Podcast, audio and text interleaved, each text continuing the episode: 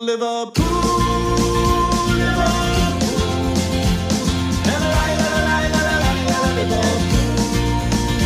Liverpool. Hej hej och hallå, välkommen tillbaka, gott nytt år och allt det där. Eh, det har blivit dags för ett nytt avsnitt av Total Liverpools podd. Andreas Järp heter jag i vanlig ordning och som i vanlig ordning har med sig Thomas Nygren. God kväll! God kväll. Och Per Kvist, god kväll. God kväll, god kväll. Hur står det till med er? Thomas? Eh, jo, men det är bara fint tycker jag. Det, man slipper ju se på fotboll ikväll. Så, ja, nej, men det, det är bara bra. Ja, det har ju varit ganska plågsamt att se på fotboll, eller vad säger du Per? Jo, så har det ju absolut varit, speciellt för oss eh, Liverpool-fans. Att man har ju den här policyn som man hade för några år sedan, att man inte längre kollar på tabellen. Man tar en match i taget, bokstavligen.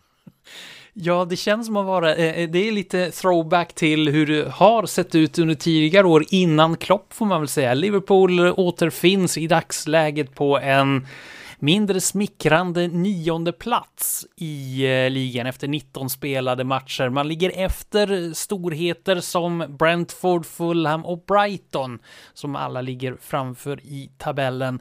Eh, man är, eh, ja vad ska vi säga, 10 poäng efter Manchester United som ligger på en fjärde plats, alltså Champions League. Och Sen vi hördes av sist så har Liverpool spelat mot Aston Villa, mot Leicester, som man vann båda de matcherna. Kanske inte så övertygande alla gånger, men man vann.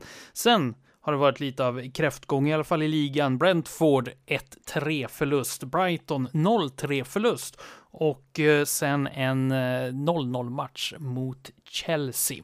Vi ska ju naturligtvis prata om den här eh, om det är tillfälliga kräftgången, vad kan man göra åt för att vända den här kräftgången? Det har ju pratats om transfers, mittfältet är slut och så. Kommer det hända någonting nu eh, under de här sista skälvande dagarna av eh, januarifönstret? Det ska vi naturligtvis prata om. Vi ska även eh, ägna oss åt en Var är han nu? Som, ja, de flesta har kanske koll på var den här personen är nu, men vem det är, ja, men det kommer att få veta. Och sen, någonting som vi har sett alldeles för lite under det här året, som Liverpool-supporter är väl mål och eh, målgester har vi också inte sett tillräckligt många av. Men vi ska minnas i alla fall de bästa målgesten och så blickar vi naturligtvis framåt. Men vi börjar från början då.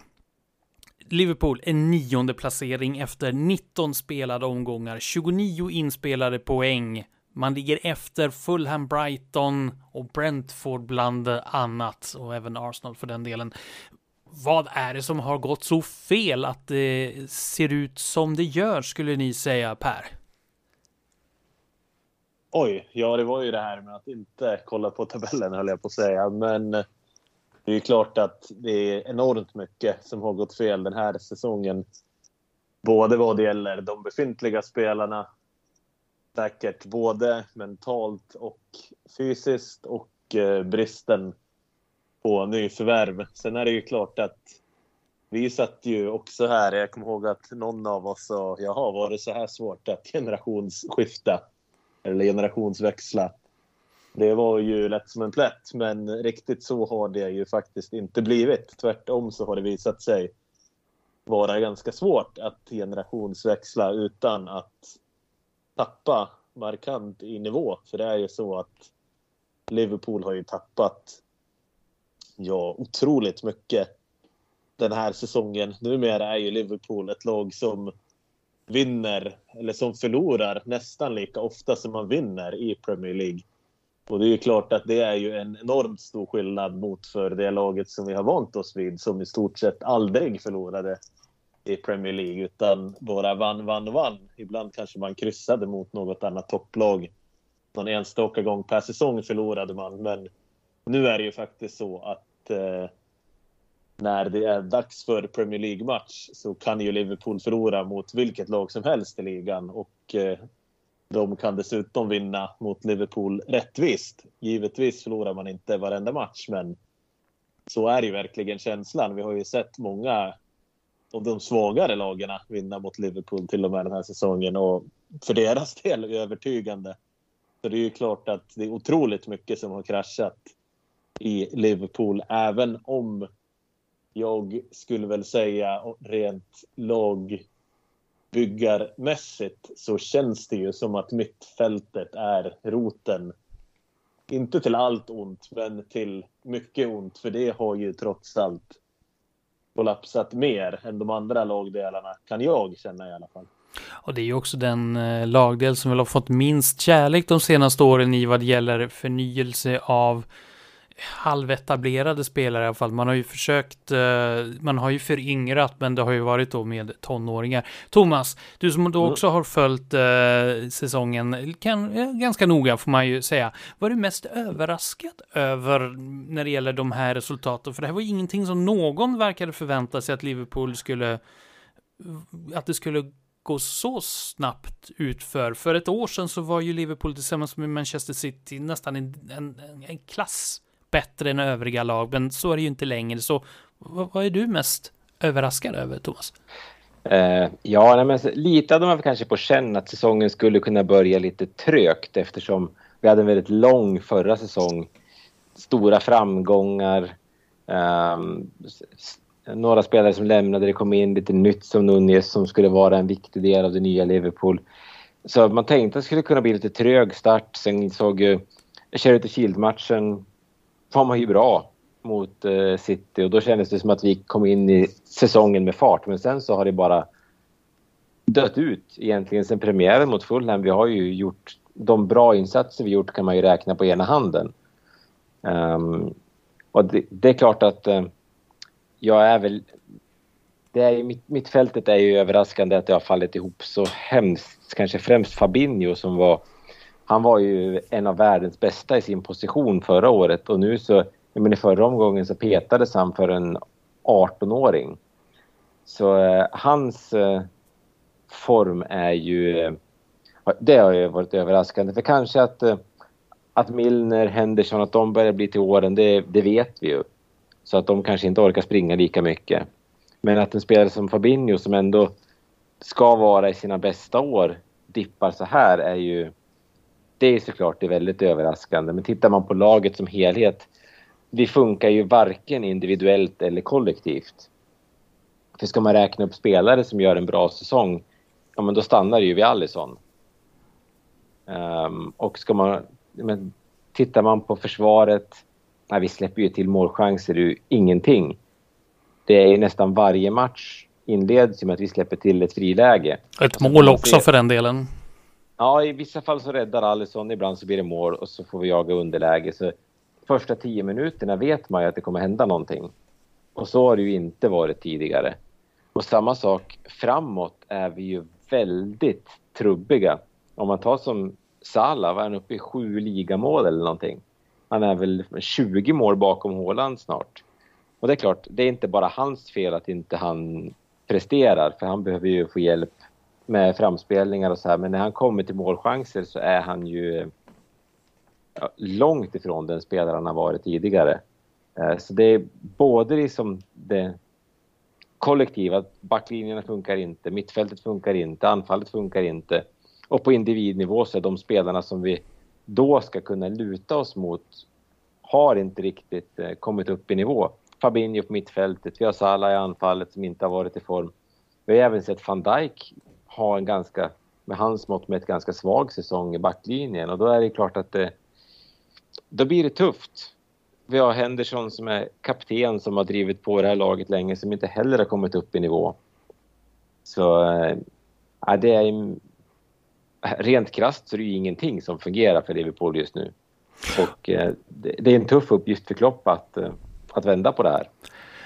Nu är man ju människa och människor gillar ju att leta upp syndabockar. Eh, hur mycket ska man lägga på Klopp på det här? Eh, hur mycket är det värvningsproblem eh, med eh, värvningar eh, eller att man försöker ändra spel eller vem ska vi rikta fingret på? Eller är det de individuella spelarna? Vad skulle du säga Per?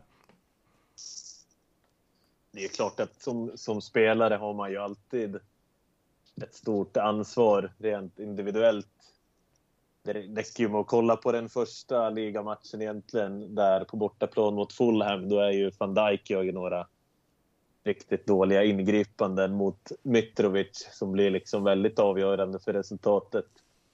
Det ju, så det är ju ett exempel bara av många och det är ju klart att spelarna har ju ett jättestort ansvar. Sen har ju Klopp också ett ansvar och de som värvar och där är det ju, det är lite svårt att säga vem som har ja, vem som har eh, störst makt helt enkelt och vem som verkligen styr allt bakom spakarna. Klopp var ju inne på har ju varit inne på i vissa presskonferenser att han skulle vilja ha chansat lite mer i transferfönstret till exempel än vad klubben har velat. Där kan man ju ana en eh, frustration och eh, en liten kritik.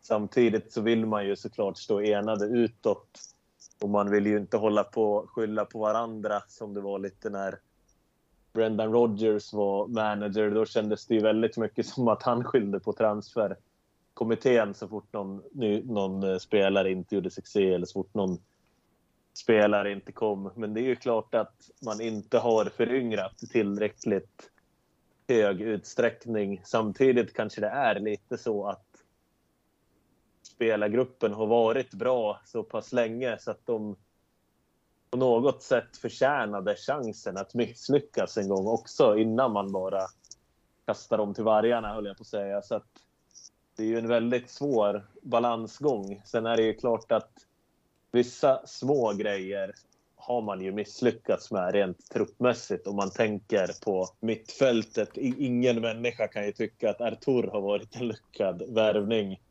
Och jag tror väl att 99 procent av alla skulle säga att Oxlade kanske borde ha lämnat förra sommaren och blivit ersatt av någon. Och det är ju klart att om man hade haft två duktiga mittfältare i truppen istället för de två spelarna så hade det ju varit inte en helt annan sak, men man hade ju fått betydligt fler bra alternativ. Sen hur bra beror ju förstås på hur bra de spelarna hade lyckats. Men det är ju nästan omöjligt att tillföra mindre än vad Artur har gjort den här säsongen, rent krast För att han har ju...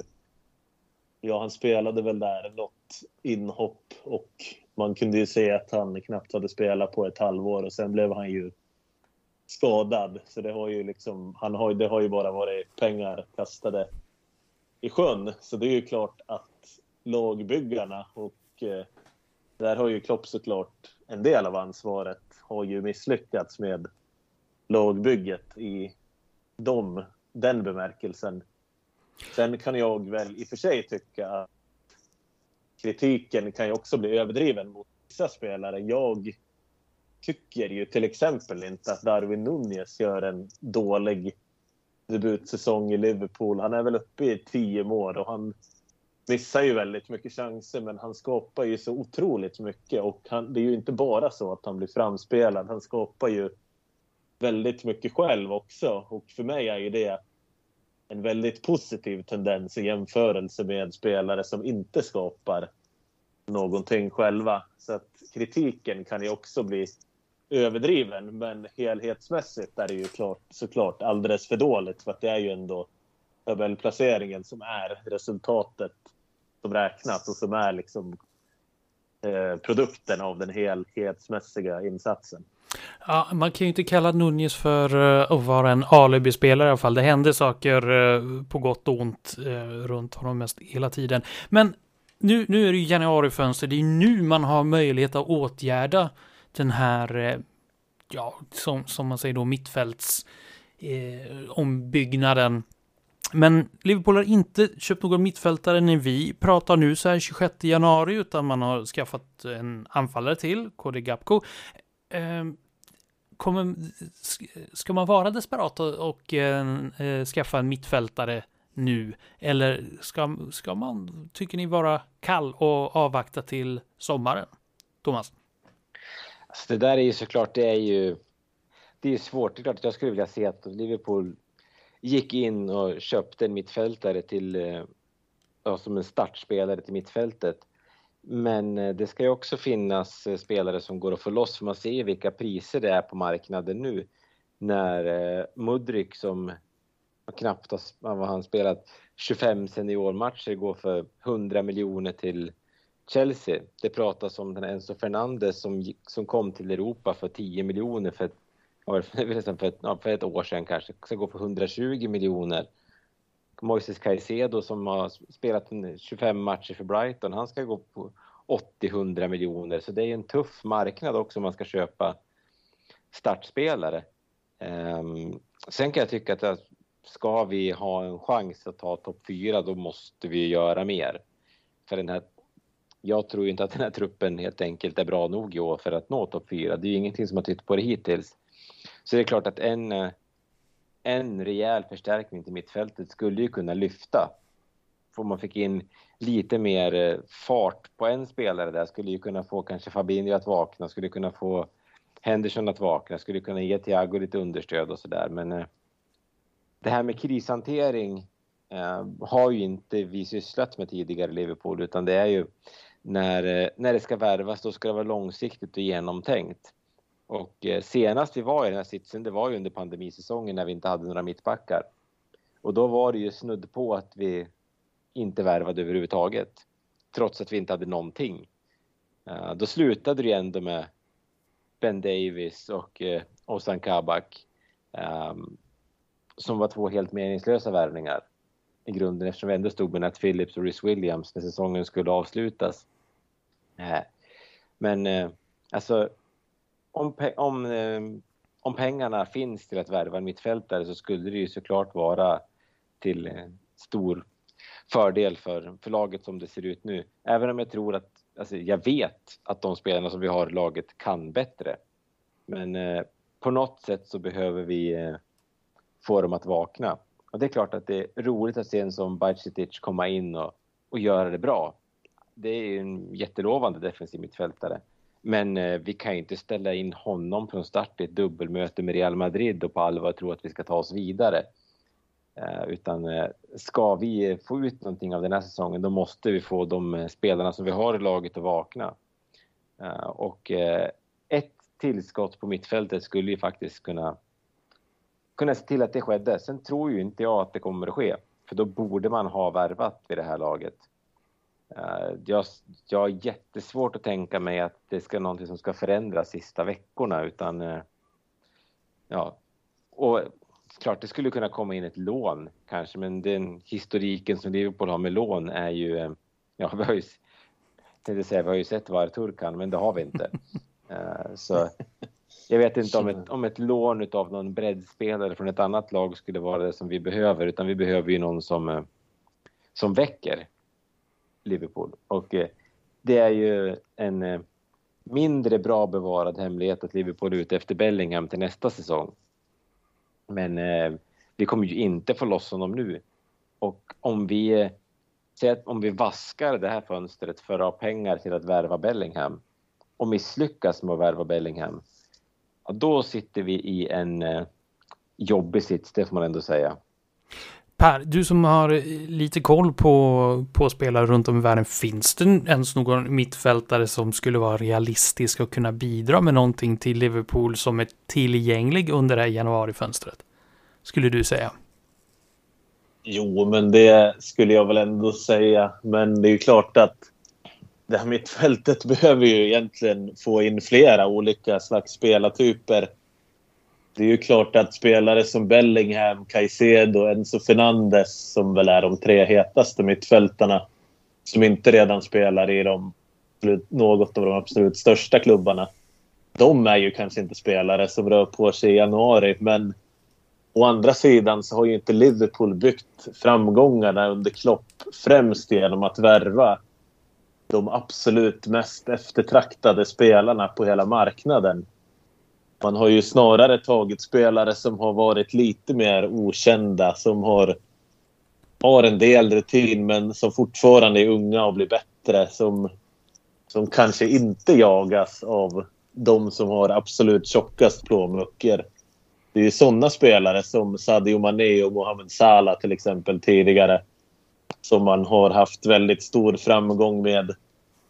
Och jag tycker ju egentligen att det behövs ju någon offensiv mittfältare som är rörlig och som kan löpa djupled, kan pressa hårt. Men vi behöver ju också en duellspelare helt enkelt. Sådana pressmonster som vi har haft förut på mittfältet som Ja, de eh, är, har inte längre den fysiken på grund av åldern kanske att fortfarande pressa sönder motståndarna. Och jag tycker att till exempel Kone i Mönchengladbach är ju en jättebra fysisk mittfältare som vinner massa dueller och närkamper och dessutom är helt okej okay med bollen. En sån spelare skulle ju vara en stor tillgång att få in och det är ju klart att han skulle ju inte kosta hälften av vad en sån som Caicedo kostar. Och jag tycker också en sån som Alvarez i Ajax är ju en duktig spelare. Ugarte i Sporting är ju också en tuff mittfältare som jag tror skulle kunna komma in liksom och skaka liv i grejerna. Och eh, om man ska kolla på någon mer offensiv. Så jag gillar ju den här spelaren som också sägs vara intressant för Liverpool. Jesper Lindström i Frankfurt. Man kan ju tro att han är svensk, men eh, han är ju dansk. Han är ju en offensiv mittfältare, spelar på kanterna också som springer väldigt mycket och väldigt fort och som skulle pressa mycket och som skulle vara liksom en offensiv kraft, kanske lite som Luis Diaz kom in förra, förra vintern. Men ja, han, han är lite mer av en offensiv mittfältare och det är ju klart att ha honom framför ja, till exempel Fabinho och Thiago eller Fabinho och Henderson. Det skulle ju ge en helt annan dynamik än att ha Harvey Elliott som visserligen är skicklig med bollen men som inte alls har den explosiviteten och löpstyrkan. Så att jag menar ju att det finns spelare. Sen är det ju klart att det inte skulle vara lätt att få loss dem heller. Men det kanske inte skulle vara omöjligt i alla fall som det är med en sån som Jude Bellingham eller Enzo Fernandes. För det är ju verkligen... Ja, Fernandes blev ju dessutom extremt hypad efter VM. Det är ju verkligen såna spelare som skulle kosta otroligt mycket även nästa sommar och som inte ens går att värva nu. Mm, ja, vi får se eh, om vad som händer. Troligtvis händer ingenting, men vi, vi får se helt enkelt. Det är inte många dagar kvar nu av eh, av transferfönstret som ändå då inbringat en spelare, eh, eh holländska Cody Kapko från eh, PSV Eindhoven. Eh, några matcher har nu spelat. Vad är eh, era, ja, lite kort bara, era spontana intryck av den här eh, spelaren? Per? Ja, jag har kollat eh, en del på honom i PSV faktiskt den här säsongen för jag har velat kolla på Xavi Simon som är en duktig spelare men då har man ju fått Gakpo på köpet där. Han är ju lite äldre än Simon som är färdig och han är ju en spelare som han är ju smart och skicklig och han har ju mycket slutprodukt.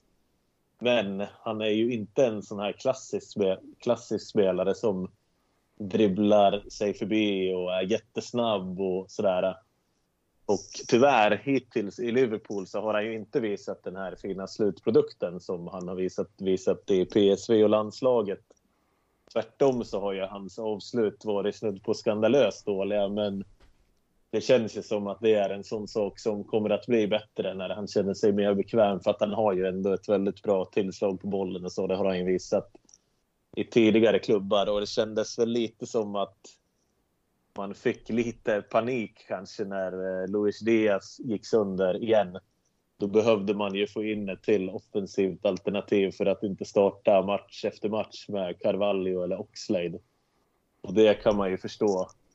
Sen så tycker jag att det är intressant på sikt för att han har ju visst har han spelat mest till vänster i anfallet i PSV och i Holland i alla fall i PSV. I Holland har han spelat lite mer som central anfallare.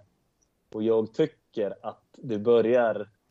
Det känns intressant när man tänker på honom som en central anfallare i ett Liverpool i framtiden. Visst så har han inte varit särskilt bra där hittills, men han är ändå en spelare som är bra felvänd och är bra i kombinationsspelet och som skulle kunna spela eller skulle kunna lära sig att spela lite mer av den typ av uh, roll som Firmino har haft de senaste, ja vad blir det, 8-10 åren. Nunez är ju en helt annan spelartyp, för Nunez vill ju ha rätt vän. Nunez vill ju ha djupled. Han är ju ett monster i djupled.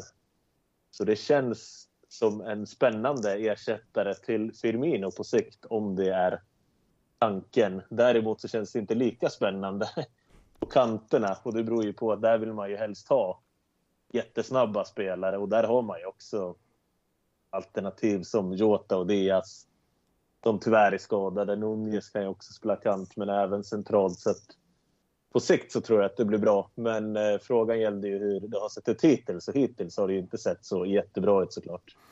Men han är i gott sällskap. Det har inte sett så där jättebra ut för många spelare och därför så blir det lite svårt för er nu då till nästa punkt här. Du, jag tänkte att vi ska utse frågetecken och utropstecken. Finns det någon spelare som som man liksom, ja, inte har imponerat kontra någon spelare som har imponerat. Och Thomas, om vi då tar, mm. du får den svåra uppgiften här, frågetecken. Finns det någon som du vill pinpointa ut som, ja men det här vet vi inte riktigt, vad, vad är det som händer? Uh, ja, var ska man börja? Ta fram nej, hatten jag... och eh, dra en lapp ur, ur den. Ja, nej men det är klart man skulle ju kunna plocka egentligen uh det finns ju många att välja. Fabinho har vi varit inne på redan. Han är ju som en skugga av den spelare han har varit förut. Ehm, egentligen, eh, ja, de som har spelat på mittfältet har ju underpresterat. Alexander Arnold. Visst, han har haft några assist efter, efter VM. Jag tycker att han också sett, eh, sett trög ut. Ehm, men eh, någonstans återkommer jag ändå till, till Sala som jag tycker vi måste kunna förvänta oss mer utav. Alltså han har gjort en hel del mål den här säsongen. Det är, så är det. Men i ligan, alltså jag tror att är han uppe på sju mål eller någonting. Och det är ju eh, efter halva säsongen. Han eh, ser, eh, känns trög, svag en mot en. Tveksam i avslutssituationer, många dåliga avslut från lägen som tidigare var målchans när han fick bollen. Så det är klart, han lider ju såklart mycket av att laget bakom honom spelar dåligt.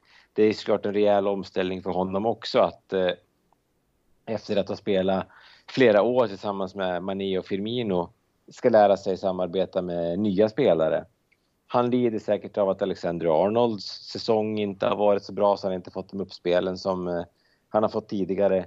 Men någonstans måste man också kunna lägga en hel del ansvar på en spelare som eh, har varit våran eh, storstjärna under de senaste åren. En spelare som tjänar mer än vad en spelare någonsin har tjänat i Liverpool. Då ska det inte bara ligga på spelarna runt omkring honom att han ska prestera utan eh, jag förväntar mig mer av honom än eh, vad han har gjort hittills och jag tycker speciellt senaste matcherna när offensiven har varit helt osynlig så har ju han inte bidragit med det som man önskar att han ska göra. Per, om vi då vänder på det hela. Eh, finns det någon spelare som, som du känner att ja, men det här var ju faktiskt bra, den här spelaren har levererat? Jag tycker ändå att det finns en del spelare som, som gör ganska bra säsonger. Det är klart att det känns lite konstigt att säga med tanke på tabellplaceringen och allt det här. Men tycker Allison gör en bra säsong. Jag tycker Konaté när han kan spela att han är bra. Robertson är bra till och från. Men det är ju klart att det som sticker ut lite, dagens kontraktsförlängning till ära, är ju Stefan Basetic. Som Thomas var inne på så har han ju faktiskt petat Fabinho i en del matcher. Och eh, man kan väl säga att det är på grund av en kombination att Basetic har gjort det väldigt bra och att Fabinho är ja, iskall känns ju som ett understatement. För det, det är ändå klart att om den gamla Fabinho hade spelat som, som om Fabinho hade spelat som vanligt, då hade ju inte Basetic varit aktuell för startelvan före Fabinho ändå, trots att han har visat fina takter. Men han har som sagt visat fina takter, bland annat mot Wolves där i kuppen. Och han känns ju som en spännande spelare, som en fräsch spelare, som en duellspelare som vill erövra boll och som kommer med energi. Och det behövs ju mer än någonsin på det här äh, mittfältet med tanke på hur de andra har fått total soppatorsk, i alla fall en del av dem. Så att Bacetic är ju definitivt en som är värd att lyfta fram och det ska ju bli jättekul att fortsätta följa honom. Känns det som en spelare som har en framtid i Liverpool på lång sikt eller eh, är det en spelare som jag menar, kommer att, att spela en halv säsong och sen försvinna i periferin igen? Ja, vi har ju sett, vi har ju sett vid tidigare tillfällen när laget har gått väldigt dåligt hur spelare som annars inte hade fått chansen har fått chansen. Till exempel Flanagan och Jay Spearing fick ju en del matcher och det var ju ganska mycket hype kring Flanagan vill jag minnas. Trots hans uppenbart begränsade egenskaper som ytterback.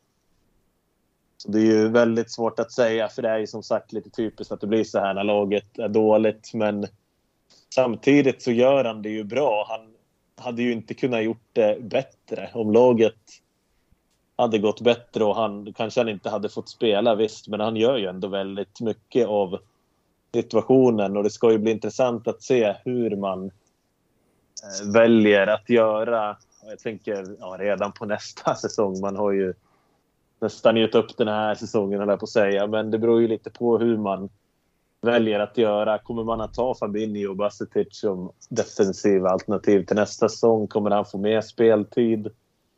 Det känns ju som att han kommer att vara i truppen nästa säsong och, och få en del matcher. Men hur många matcher känns ju lite oklart. Samtidigt vet man ju att sådana här spelare i den här åldern kan utvecklas väldigt mycket på ganska kort tid om de får undvika skador. Så att det är ju klart att eh, man ska ju ha förhoppningar, definitivt, utan att ut någonting i förskott. Mm. Ja, vi får se vad som händer och vi hoppas ju att uh, nästa avsnitt att det blir betydligt lättare att hitta spelare som har levererat och att man inte behöver då vila på en, en eh, ja, junior helt enkelt. Och sen kan vi också säga, Liverpool ligger på en nionde plats i ligan, men det finns de som har varit sämre. Så man kan ju trösta sig åt att Chelsea ligger på en tionde, eller en tionde plats med en match mer eh, spelad. Och så har vi Everton då på nittonde plats som inte heller eh, rosar marknaden direkt utan kanske får se sig eh, och spela en annan division till nästa säsong. Så att det finns de som har det sämre. Eh, Måste bara flika in, jag läste om Evertons eh, tränarjakt. De hade kontaktat två tränare, det här är i och för sig ryktesmässigt. Men de två tränare som man hade kontaktat var Sam Allardyce och Marcelo Bielsa. Man vet verkligen ja. vad man vill, man har en tydlig profil. Ja, man undrar vad de två har gemensamt mer än att de eh, nyss, har fått spark, nyss har jobbat i England. Eller Dice kanske var ett tag sedan i och för sig. Men det känns ju som att det är två tränare som står ganska långt ifrån varandra hur man vill spela fotboll. Det hade ja, varit intressant att ha ett filosofimöte som... mellan dem. Mm. Det känns ju som att Bielsa behöver en försäsong och jobba med spelarna för att kunna implementera sitt spel med allt vad det innebär. Det är inte som mm. att han bara kan komma in och knäppa med fingrarna och få dem att spela som han vill över natten. Nej, det blir spännande. Everton har ju satt sig i en uh, ganska prekär sits uh, som man har arbetat hårt för under, sena, uh, under många år nu. som tyvärr börjar bära frukt. Och det, det är väl en ny arena där också på gång, vill jag minnas. Eh, som väl borde invigas ganska snart. Mm. Eh, så att ja, det finns de som har det tuffare än vad Liverpool har trots att eh, ja, Liverpool inte rosar marknaden de heller. Vad sägs om att lämna liksom det här lite deprimerande nuet just nu och så blir vi lite nostalgiska och ta reda på en tidigare Liverpool-profil. Var befinner sig den här personen nu? Eh, Thomas, du har koll på mm. det här. Ja, eh, det här är ju såklart en Liverpool-profil som de som lyssnar på det här vet var han håller hus. Men eh, eftersom det ändå är så att Brendan Rodgers fyller jämnt idag, han fyller 50 år, så tänker jag att vi ska väl ändå ta och minnas tillbaka på hans tid i Liverpool och eh, ja, kanske prata lite grann om eh, vad han gjorde under sin tid hos oss. För det var ju ändå så att han, eh, han hade ju också en säsong som han eh, flög eh, väldigt högt och många spelare som eh, presterade bra och sådär och kom in med någonting nytt i, i Liverpool. Så eftersom han fyller år idag så tänker jag att vi kan väl prata lite grann om, om Brendan och de spelarna som han tog till Liverpool så kanske ger oss också lite perspektiv på att det var värre för, för oss också. Vi vet ju vad Eh. Brendan Rodgers är nu, men frågan är Ja. hur länge vi vet det. Eh, apropå lag som inte presterar. Eh, Brendan Rodgers då som finns i Leicester City eh, återfinns på en 14 plats. Och jag antar att det Mm. inte riktigt är vad eh, de, Leicester City har som målsättning att avsluta. Ja, nej, de lyckades ju förlora mot Liverpool trots att Liverpool inte gjorde något mål. Eh, så vann vi med 2-1. Det var ju en, eh, en spännande insats den här 2-1-vinsten när de gjorde två självmål på kort tid. Eh, men i alla fall tänkte jag börja med bara att kolla mer om ni kommer ihåg Brendan Rodgers första match som tränare i Liverpool, första ligamatch. Är det någon som har en Mm. i, minnet? Jag tror att jag kommer ihåg den. Jag tror att det var mot West Bromwich borta när Daniel Agger blev utvisad och Zoltan Gera gjorde ett fantastiskt mål när bollen kom ut och han sköt ett långskott, sånt där som man sett 3000 gånger. Någon bara dunkar bollen över, så gjorde han ett drömmål. Ja, det stämmer. Första matchen som Liverpool hade Brendan Rodgers som tränare, det var ju 0-3 förlust borta mot West Bromwich Albion som dessutom eh, hann med att eh, missa en straff. Och eh, de som minns den här eh, speciella dokumentärserien som gjordes som Liverpool då, Being Liverpool, minns ju att den här matchen var ju, var ju med i den serien.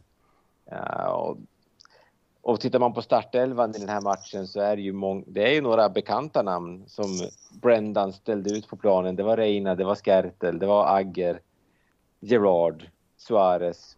Och Suarez var flankerad utav Fabio Borini och Stuart Downing. eh, Bland annat. Eh, Så Rodgers hade ju en tuff start i Liverpool. Det tog ett tag innan vi vann den första matchen under honom. Han börjar med att förlora mot eh, West Bromwich, kryssa mot City, förlora mot Arsenal, kryssa mot Sunderland, förlora mot United. Så det var ju omgång sex som han eh, vann sin första match som Liverpool-tränare i ligaspelet. En eh, 5-2-seger mot eh, Norwich. Och eftersom det var mot Norwich så vet vi ju att Suarez gjorde hattrick såklart. Eh, men den första säsongen under Rodgers var ju, var ju allt annat än eh, bra. Det mest minnesvärda där var väl egentligen den sista omgången när Liverpool spelade hem mot Queens Park Rangers. En match som jag besökte, för det var ju sista gången som vi såg eh, Jamie Carragher på en fotbollsplan. Så eh, det var väl slutet för den första säsongen med Brendan Rodgers när Carragher lämnade. Det var ju också under den säsongen som vi plockade in två spelare som kom att ha ganska stor inverkan ändå på de kommande åren. Det var ju Coutinho och Sturridge som kom till Liverpool då under januarifönstret. Um, kan man säga några, om man kollar bänken som Liverpool hade mot Queens Park Rangers här i sista omgången. Då hade vi Brad Jones, sen så var det Sebastian Coates, Connor Cody, Andrew Wisdom, Osama Assaidi, Fabio Borini och Suso. Så tycker man att vi har dålig bredd idag så kan man ju tänka tillbaka på hur det kändes när Fabio Borini hoppade in istället för Jordan Ibe i 64 minuten mot Queens Park Rangers. Mm. Mm. Det har hänt en del. Eh, om, om man då ser det, det, det gick ju bättre sen för Brendan Rodgers. Vad, vad tycker Mm. ni att han har bidragit med till Liverpool? Det, var ju, det, det främst var ju att man fick uppleva en titelstrid på allvar som jag tyckte var häftigt under Rogers. Men ändå på ett ganska eget sätt att spela. Vi eh, spelade offensiv fotboll, rolig fotboll. Han vågade satsa på yngre spelare, tog in Sterling, han eh, lät Flanagan spela. Så eh, han stod ändå för någonting som var, som var spännande. Under den andra säsongen vet jag att det gick ju liksom rykten om att Barcelona skulle vara intresserade och man gick nästan runt och var lite orolig för att fortsätter det så här bra kanske Rodgers försvinner. För det här var ju på en tid som man räknade med att om det kommer fram bra spelare i Liverpool så lämnar de och det var ju samma sak på tränarsidan. Eh, Så eh, den andra säsongen så, så det gick väldigt, väldigt bra. Då, eh, då bidrog han såklart med en, en, stor, eh, en stor spänning. Och så där. Sen så i efterhand så känner man väl kanske att det, det handlade också mycket om att vi hade en av världens bästa spelare som var i sitt livsform hela säsongen i Suarez. Så fotbollsmässigt vet jag inte om Brendan Rodgers satte så stora spår i Liverpool egentligen utan eh, det är ju sen han eh, försvann och eh, Klopp kom in som det började hända saker på allvar. Han, Rodgers hade ju stora problem med att värva spelare. Om man jämför hans tid med Klopps tid så de flesta som har kommit under Klopp har ju ändå lyckats medan de som kom under eh, Rogers tid, ja nästan alla floppade. Så eh, det var ju under en tid då man fick se som forwardsvärvningar som Ricky Lambert och Mario Balotelli, Fabio Borini. Det var ju, ja, det fanns ju ingen tanke och det slog helt fel. Så eh, hans tid i Liverpool var ju som helhet var ju såklart, det var inte alls bra. Men den andra säsongen var ändå en, eh, en fin resa. Och det största, någon, på något sätt som jag tycker är tråkigt att se tillbaka på med Rodgers, det är ju hur Gerard fick avsluta sin tid som Liverpool-spelare. Först att avtackas på hemmaplan med en 1-3 förlust mot Crystal Palace och sen bli, eh, ja, men sen bli förnedrad av Stoke med 6-1 i den allra sista omgången. Så där någonstans eh, känns det väldigt tråkigt. Och sen så blev det inte så många matcher till. Han fick sparken ganska tidigt under tre, sin tredje säsong. Ja, det var så. Eh, men eh, Per, om, om, man då ser på vad som har hänt med eh, Brennan Rodgers efter han lämnade Liverpool, kan man se att det ser ut att vara samma resa i Leicester?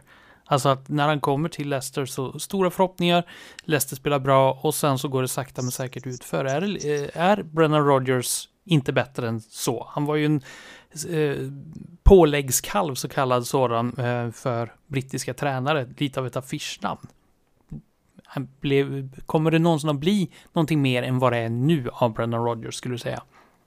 Nej, det tror jag väl kanske inte att det kommer bli. Samtidigt så har ju Leicester som klubb gått i en lite tråkig riktning. De hade ju en stor tragedi med ägaren och dessutom har ju deras, alltså ägarens ekonomi har ju försämrats mycket under corona. Så klubben har ju inte alls satsat lika mycket heller de senaste åren. Och det ska man ju ändå ha i åtanke när man bedömer Rogers prestation. Men det känns ju som att Rogers, om han hade kunnat acceptera att vara under en bra sportchef eller en bra sportkommitté så hade det ju blivit mycket bättre när han håller på att ratta själv. För att ett stort problem i Leicester är ju att de har behållit många spelare alldeles för länge. De eh, borde ju ha sålt eh, flera av spelarna som är där nu. De borde ju ha sålt Thielemans innan han lämnade på free transfer. Samma sak med Sojenko, turk, den turkiska backen där. Det är ju spelare som har haft ett stort värde men som numera mest går runt och surar. Liksom. Så att de har ju misslyckats med själva lagbygget och det har ju han en stor del i eftersom han vill vara så pass insmetad i transfers. Vad är dina tankar då om Brennan Rodgers? Hur minns du hans tid i, i Liverpool? Hans Swansea hade ju en tydlig identitet med stort bollinnehav och det tog han ju med sig till Liverpool som Thomas var inne på. Därmed också fick en tydlig identitet och det finns ju ändå ett värde i att få en taktisk och sportslig identitet på det sättet. Det sämsta som finns är att vara identitetslösa och den identiteten som Rogers kom in och implementerade var ju dessutom ganska attraktiv. Det var ju ännu mer attraktiv då när Barcelona var det bästa laget och alla ville spela possession. Så det är ju klart att han var ju en mycket bättre matchning för klubben än vad till exempel Roy Hodgson var. Och den offensiva fotbollen, det blev väl egentligen kanske lite mindre possession och lite rakare eftersom han fick ja, bra spel. Han hade så bra spelare helt enkelt. Luis Suarez framförallt. Så det blev ju en väldigt rolig offensiv fotboll och jag tyckte det var ju en av de roligaste säsongerna som jag har följt Liverpool i alla fall. Den sista säsongen med Luis Suarez. Men sen är det klart att det är svårt att jämföra säsonger också. Vi hade ju en jätte... Några, ett, ett par väldigt roliga säsonger med Rafa. Vi har haft väldigt många med Klopp, men det var ju absolut en väldigt minnesvärd säsong där under Brendan Rodgers. Eh, Thomas, kan man se Mm. någonting av eh, Brendan Rodgers arv i Liverpool idag? Nej, alltså det har ju hänt väldigt mycket sen Klopp kom in. Det är mycket som har ställts om efter hans sätt att spela. Han har fått in sina mannar och sådär. Eh, så eh, det vet jag inte om man... Eh, jag, jag tycker inte att man kan göra det i alla fall. Det jag vill säga just när Rogers kom in, det var ju också efter några ganska så tuffa år. Även om vi hade det... Vi hade en skaplig period under Kenny Dalglish andra era, åtminstone lite cup kuppresor. Men innan det så var det ju det var Roy Hodgson och det var Rafas sista år då han började bli lite trött. Rafa spelade ju ganska tråkig fotboll och eh, då när inte resultaten kom då var det ju inte superkul att följa. Och Roy Hodgson det var ju bara ett enda stort haveri. Och Kenny Dalglish kändes ju att han var ju där på lånad tid. Så Rogers Rodgers kom ju ändå in med någonting nytt och pikt och jag tror att han kanske jag tror ändå att han med spelare som Coutinho, Sturridge och de här att eh, han fick nog ändå fram en del nya unga Liverpool-supportrar. För jag tror att det var få som började hålla på Liverpool när man såg eh, Roy Hodgson-Liverpool. Det var nog få som började hålla på Liverpool under Rafas sista år också. Men här så var det liksom, det var fin fotboll, det var, hände saker, det var svajigt åt båda håll och det var en hel del tekniska och sevärda spelare. Så det som han kan ha bidragit med är väl kanske ändå att han fick eh, en ny generation ungdomar att börja intressera sig för, eh, för Liverpool. För det, det var ju ändå så att på den här tiden, då såg ligan ofta ut ungefär som den gör nu. Att, det var, att vi var lite bakom de, eh, de allra största lagen uppe i toppen. Ja, vi får se. Vi får väl ändå vara hyfsat glada över eh, Brendan Rodgers tid i Liverpool. Det höll ju på att bli en eh, ligavinst där och nu vet vi vet vad han håller hus nu. Han håller hus i, i Leicester City. Vi får se hur länge han håller hus där bara. Det, det brukar ju, går det inte bra så brukar tränare försvinna. Men Brendan Rodgers var alltså, var är han nu? Eh, profilen i det här avsnittet. Så, vad tycker ni? Ska vi blicka framåt nu? En månad ungefär. Och se om det går lite bättre än vad det har gjort tidigare under tidigare månader. Se om Liverpool kanske vaknar. Man har i alla fall ett par matcher framför sig eh, i, i ligan. Närmast så är det Wolverhampton som väntar. Man kommer även att möta Everton, Newcastle och Crystal Palace fram till den 25 februari. Och så är det några cupmatcher också. Brighton i FA-cupen och eh, Real Madrid i Champions League som då åter drar igång spontant när man säger de här matcherna, vi säger ligan då med eh, Wolverhampton, Everton, Newcastle och Crystal Palace. Va, hur skulle ni gradera det spelschemat? Många borta matcher ska sägas också. Eh, är det ett bra spelschema eller är det tufft? Alltså, det är väl... Eh... Alltså, det är svårt att säga en sån här säsong vad som är ett bra spelschema. För lite grann så har vi faktiskt vaknat till i matcher mot eh, bra lag. Vi har ändå gjort det bra mot både Spurs och City till exempel. Och varit eh, fullkomligt eh, bedrövliga mot lag som har legat i botten. Så det är svårt att säga riktigt vad som är ett bra schema. Men det är klart, vi har ju ett Merseyside-derby här som, eh, som såklart är en sån här match som borde kunna väcka laget. Och eh, Wolves kunde vi ju slå borta i kuppen så det är väl inte omöjligt att vi kan lyckas slå dem i ligan också. Men Newcastle är ju ett, eh, ja, de är ju ett topplag i år. Så det, det, kommer att bli, det kommer att bli tufft. Jag ska säga ett, eh, ett normalt Liverpool skulle jag väl säga att det här är ett schema som vi ska ta många poäng. Men med dagens Liverpool så vet jag inte riktigt vad, vad man kan eh, förvänta sig. Det känns lite som att det är någonting som har hänt att eh, som Liverpool-supporter att man är tillbaka för hur det var innan eh, Jürgen Klopp spelar. Att ja, men vad som helst kan hända mot vilka som helst. Per, hur, hur ser du på det här spelschemat? Finns det någon chans på full pott i de här fyra matcherna? Full pott känns ju vanskligt att prata om för Liverpool har väl inte vunnit fyra matcher i rad på hela säsongen nästan Eh, i ligaspelet. Och vi har ju sett till exempel mot Wolves i kuppen att det var ju extremt jämna matcher som kunde ha slutat hur som helst. Så att full pott vågar jag väl inte riktigt tro på. Men absolut så borde man ha goda chanser att vinna flera av matcherna. Det känns ju lite som att Liverpool kan vinna vilka matcher som helst och förlora vilka matcher som helst. Men man har ju knappast den här jämnheten som krävs för att prestera match efter match. Och en av matcherna det är ju Champions League-mötet mot eh, Real Madrid som man har spelat tidigare. Åttondelsfinaler är blivit dags för Champions League. Är det bara liksom en bonus, en parentes i år? Tidigare så har ju Champions League varit, ja men klart man har chans att vinna där, men hur, hur känner ni inför Champions League i år, Thomas? Ja, jag menar att vi ska slå Real Madrid över ett dubbelmöte känns ju orealistiskt med som det ser ut nu. Sen så är det ju såklart så att vi kan... Eh, jag har någonstans, jag vet inte om det är någon naivitet i mig som tror att det kan ju faktiskt, det kan ju vända. Det här som vi var inne på tidigare, så det här laget var ju ändå ett av världens bästa lag för ett halvår sedan. Så eh, kan man skaka fram lite grann av det vi visade upp då, ja men då kan vi, då kan vi slå alla lag.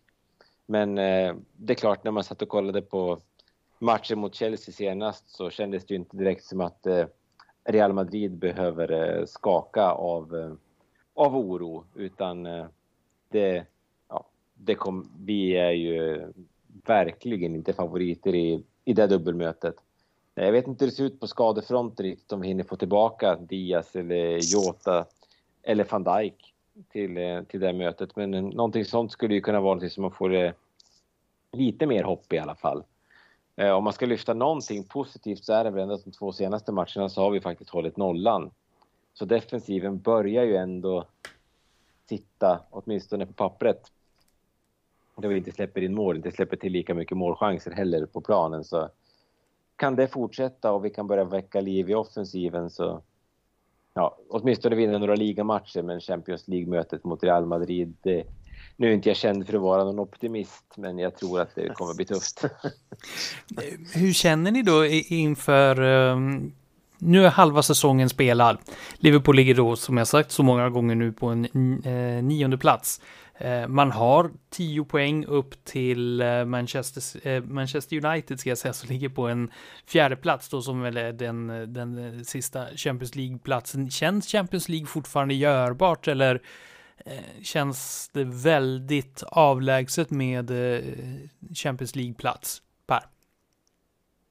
Jag tycker att det känns väldigt avlägset för det är ju också så att Eh, det är väldigt många lag som är bättre än Liverpool den här eh, säsongen och just därför känns det ju ganska långsökt att Liverpool helt plötsligt skulle komma ikapp och förbi. För det räcker ju inte att ta lika många poäng som de här lagen nu den återstående delen av säsongen. Bara det vore ju svårt nog. Liverpool måste ju ta betydligt fler poäng än dem och jag har svårt att se det. Jag tycker inte att det finns som någonting egentligen som tyder på det och just därför så måste man ju verkligen gå all in på Champions League. Så att jag känner ju lite att i slutändan i Premier League, nu är det ju klart att man ska ge det ett allvarligt försök, men det spelar ju faktiskt ingen roll om man kommer till Europa League eller Conference League. Det är ju totalt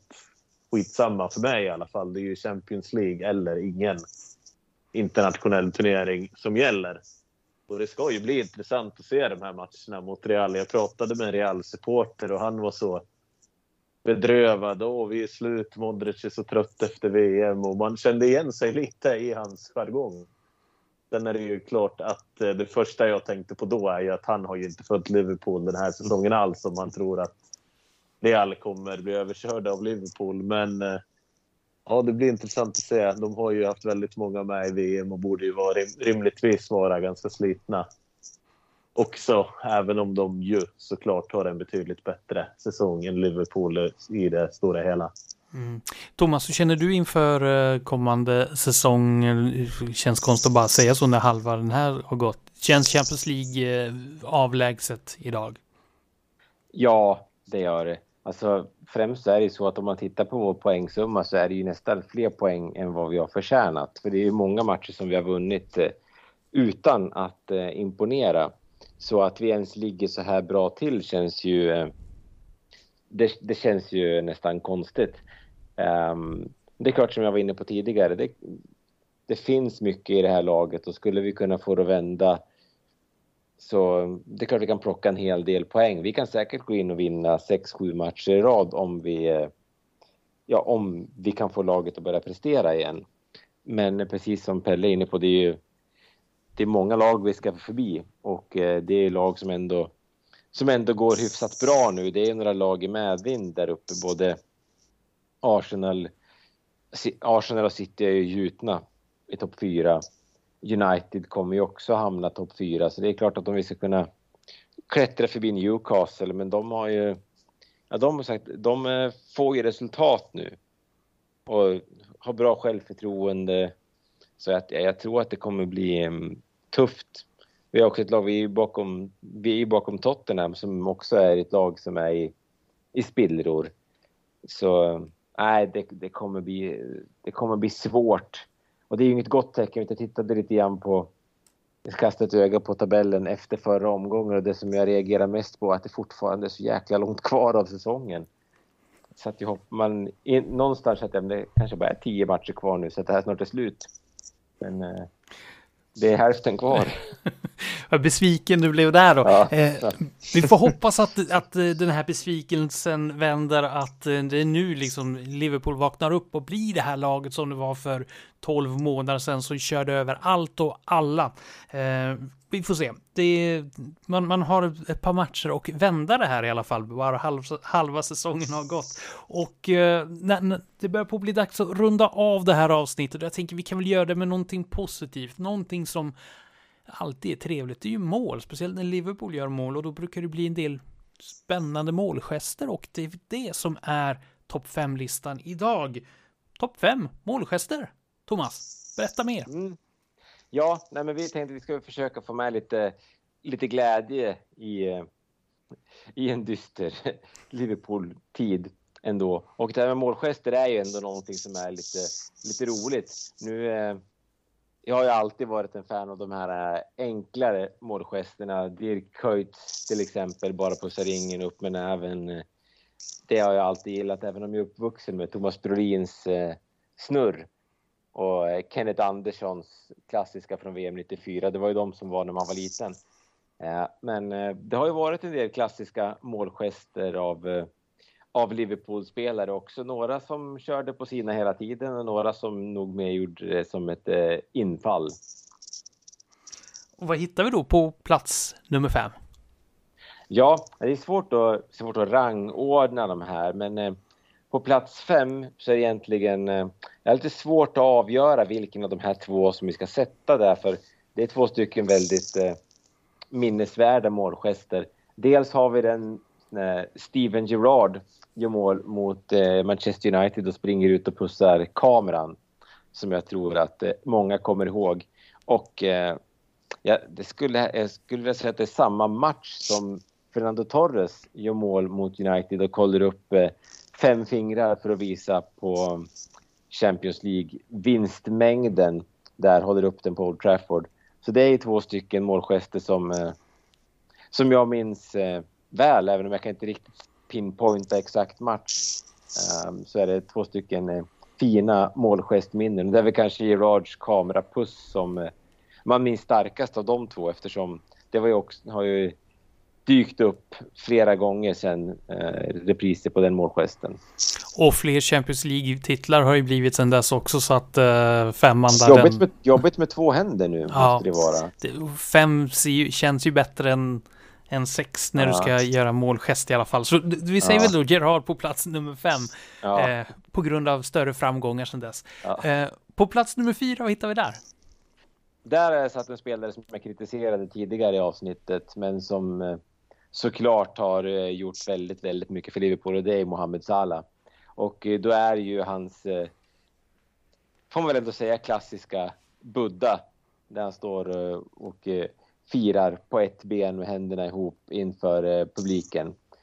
Som också är en, åtminstone sätter på några tröjor runt om i, i Liverpool sen. Så det blev ju någonting som verkligen han eh, förknippades med under en lång stund och eh, som, han har, ja, som har vevats också på flera repriser senare.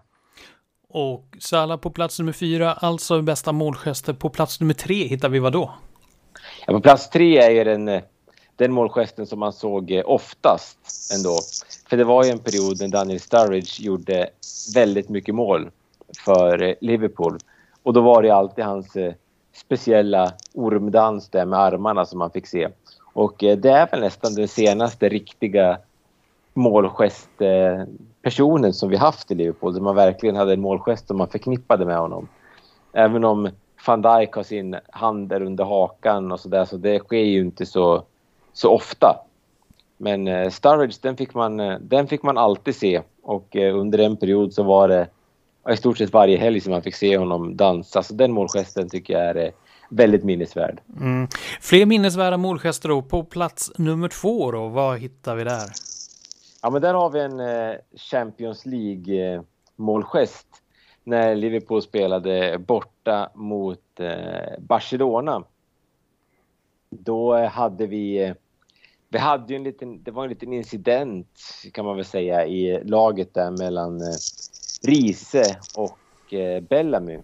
Och när Liverpool sen eh, spelade match och Bellamy gjorde mål så så ställde han sig och svingade golfklubba. Eh, inte, ja, såg ut som han svingade en golfklubba. För att eh, såklart koppla till den här incidenten där Bellamy jagade Riese med en golfklubba. Han hade ju också sina sätt att hantera kriser, Craig, eh, Craig Bellamy. En eh, väldigt eh, bra men kändes kanske inte så intelligent som fotbollsspelare. Men den här målgesten, den, ja, den kommer man ihåg inte så stabil heller på något sätt. Hyfsat labil kändes Craig Bellamy som. Men en golfsving, ja, den, en välkänd sådan. Och då har vi bara en plats kvar på den här topplistan av målgester för Liverpool. Och vad hittar vi där? Alltså man gillar ju målgester som är lite retsamma och kanske främst när man retar eh, rivaler. Och eh, på första plats så tycker jag ändå att vi måste sätta Luis Suarez målfirande mot, eh, mot Everton där eh, David Moyes hade anklagat honom för att eh, filma. Kanske inte helt ogrundat, men eh, när Suarez i alla fall gjorde mål mot Everton så firade han det genom att köra ett riktigt svanhopp framför David Moyes och kasta sig på backen som en eh, fejkad filmning. Och det var ju såklart både underhållande, provocerande och, eh, och minnesvärt. Så den, eh, den tycker jag att vi sätter på, på första plats. På något sätt summerar Luis Suarez över hur, ja. som, som spelare överlag, kan man, kan ja. man säga. Eh. Ja, det var, må det var många som retade upp sig på honom och där får man väl säga att eh, Mois lär ha kokat Jag kan se den bilden framför mig. Ja. Och det eh, är då nummer ett av minnesvärda målgester. Luis Suarez eh, dyker framför David Moyes Everton. Eh, men när, när vi gör de här topplistorna så skickas ju alltid frågan ut på sociala medier. Vad, vad, har, vad, vad har lyssnarna tyckt varit spektakulär och minnesvärda eh, mm. målgester? Det är ju Suarez dykning eh, kommer ju upp där också, både Eh, Anton Henriksson säger att den eh, eh, måste vara med på topp tre. Jonte Granlund håller med och skriver att den är underbar. Andreas Lindman tar ju upp den här Torres handen på Old Trafford. Vi har Ingenting som förespråkar eh, Fowler mot Everton. Eh, jag skulle gissa att den han eh, menar där är den här väldigt minnesvärda snortningen utav linjen. Men vi skrev ju att det var under 2000-talet och den var 99 så ska man vara hård så kvalar inte den in. Men ska man se i världshistorien, eller i Liverpool-historien så är det klart att då, då är ju den både 1, 2, 3 och 4. För den är ju, ja, det är få som blir avstängd för en målgest. Och det är få som, inte, som inte vet vad det är för något också. Ja, Sen har vi Joakim Sten som nämner eh, Suarez för Everton borta och det var den som vi var inne på. Sen har både Fowler och Crouch. Och Crouch robotdans är också en sån här som eh, man skulle vilja ha med på listan. Men vad jag vet så gjorde han väl bara den i landslaget så då kvalar det inte, inte riktigt in. Eh, sen har ju en personlig favorit som jag som inte heller kommer in, det är ju målgesten som James Milner gjorde här om året när han eh, när han satte en straff och sen eh, fejkade att han gick med en käpp längs sidlinjen bara för att van Dijk hade börjat reta honom för att han var gammal. Eh, det tyckte jag var en, eh, en fin målgest, men där är jag också lite partisk. Lätt partisk får vi säga. Mm. Och eh, med det så börjar det på bli dags att runda av det här avsnittet och eh, avslutningsvis eh, Thomas och Per, vad, vad ser ni fram emot mest nu under den här kommande månaden för Liverpools del? Per? Ja du, det, man, du ställer ju alltid den här frågan i slutet av avsnitten och det brukar ju vara lite lättare att svara än vad det är nu. Men man får väl ändå säga Basetic framfart att det ska bli väldigt roligt att fortsätta följa honom. Och eh, du då Thomas? Eh, nej, men jag tänker någonstans må- får vi försöka leta andra saker i den här säsongen än tidigare. Då man har liksom sett fram emot de här stormatcherna och sen kunna räkna in att de andra poängen kommer av sig själv. Någonstans så är det ju en annan typ av Liverpool-säsong nu så jag, får, jag tycker ändå man får se fram emot att se hur vi kan, eh, ja, men hur vi kan ta oss ur det här. Och man får helt enkelt bara infinna sig i att slår vi Wolverhampton borta med 2-1 efter att göra en skitmatch, ja men då är det någonting som vi ska vara jäkligt nöjda med. Mm, lära sig uppskatta egentligen det som, som man kanske har glömt bort. Och vi kan ju påminna oss om att eh, när det var s- skador på mittbacks, eh, på mittbackspositionen så slutade det ändå sen, trots att det såg hopplöst ut under, eh, ja, vid den här tiden på året, så slutade det ganska bra. Det blev väl en andra plats vill jag minnas i ligan, eller något liknande. Man fick i alla fall eh, en, en väldigt bra och fin säsongsavslutning och kanske kan man replicera det. Så det finns ändå ljus och bra och goda exempel. Eh, tack så mycket Thomas och Per för att ni var med idag i vanlig ordning. Tack, tack. Tack, tack. Och tack så mycket till dig då som har valt att eh, ladda ner den här podden Total Liverpools podd. Jag Andreas Järpe tackar för mig. Hoppas att du som lyssnar får en eh, fortsatt trevlig januari och februari så hörs vi igen om en knapp månad. Tills dess, ha det så bra. Hej då!